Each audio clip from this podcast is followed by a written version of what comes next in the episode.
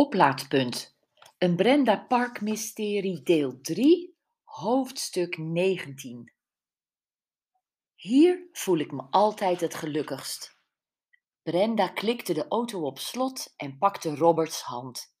Ze waren de enige op het door eucalyptusbomen omzoomde pleintje.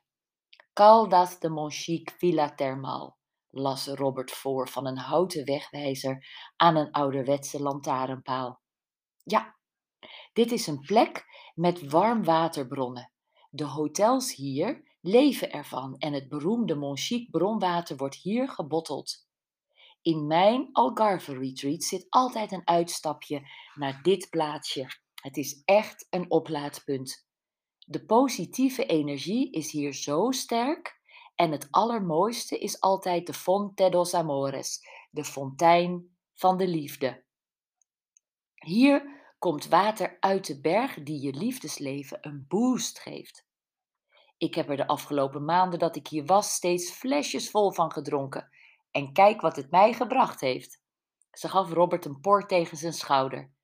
Ik laat je zo die liefdesfontein zien, maar zullen we nu eerst koffie drinken in mijn favoriete barretje?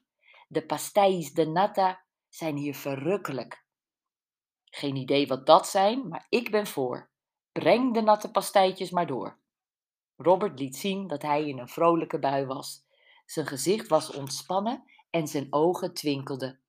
Het was nog maar de derde dag samen, maar wat hadden ze het fijn. Nadat ze na Roberts aankomst de eerste paar uur de suite niet hadden verlaten, waren ze in de middag een eind gaan wandelen over het strand. Brenda had Robert alles verteld over de dood van Ellen, die geen natuurlijke bleek te zijn, wat ze door een stom toeval had ontdekt. Het is ongelooflijk dat je binnen een jaar drie misdaden hebt opgelost. Robert had haar bewonderend aangekeken. Hopelijk is het nu even rustig. En Jules had precies hetzelfde gezegd toen zij haar de ochtend na de dramatische avond had gesproken en haar ook had verteld dat Robert zou komen. Jules, hmm, was veelzeggend geweest, net als haar moeders bezorgde. Och jee, toen Brenda haar belde om te zeggen dat ze ietsje langer wegbleef dan gepland. Voelden zij iets wat Brenda nog niet wist? S'avonds hadden Robert en zij genoten van de zalige Portugese liefde die Louis hen had aangeboden. En gisteren hadden ze Sagres en Kaap Sint Vincent bezocht, het magische, uiterste, zuidwestelijke puntje van het vasteland van Europa. Aan het einde van de dag had Brenda zich onder handen laten nemen door Jonathan.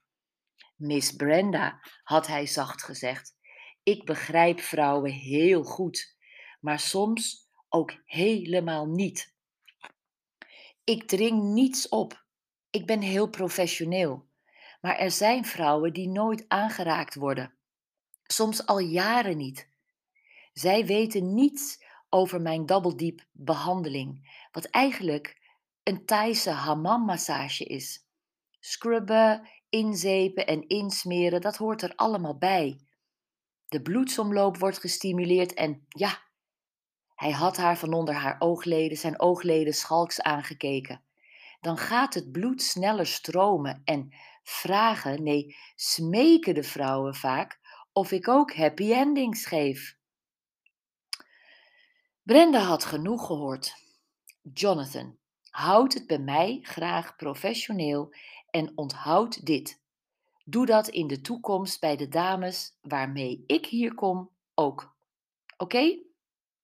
Ze hoopte dat de boodschap in haar indringende blik duidelijk bij hem overkwam. Maar Jonathan schudde verward zijn hoofd, spreidde zijn armen wijd in opperste wanhoop en haalde adem. Maar Miss Pauline Valk dan? Zij kwam en kwam weer en weer, elke keer voor mijn wonderhanden, zoals ze zei.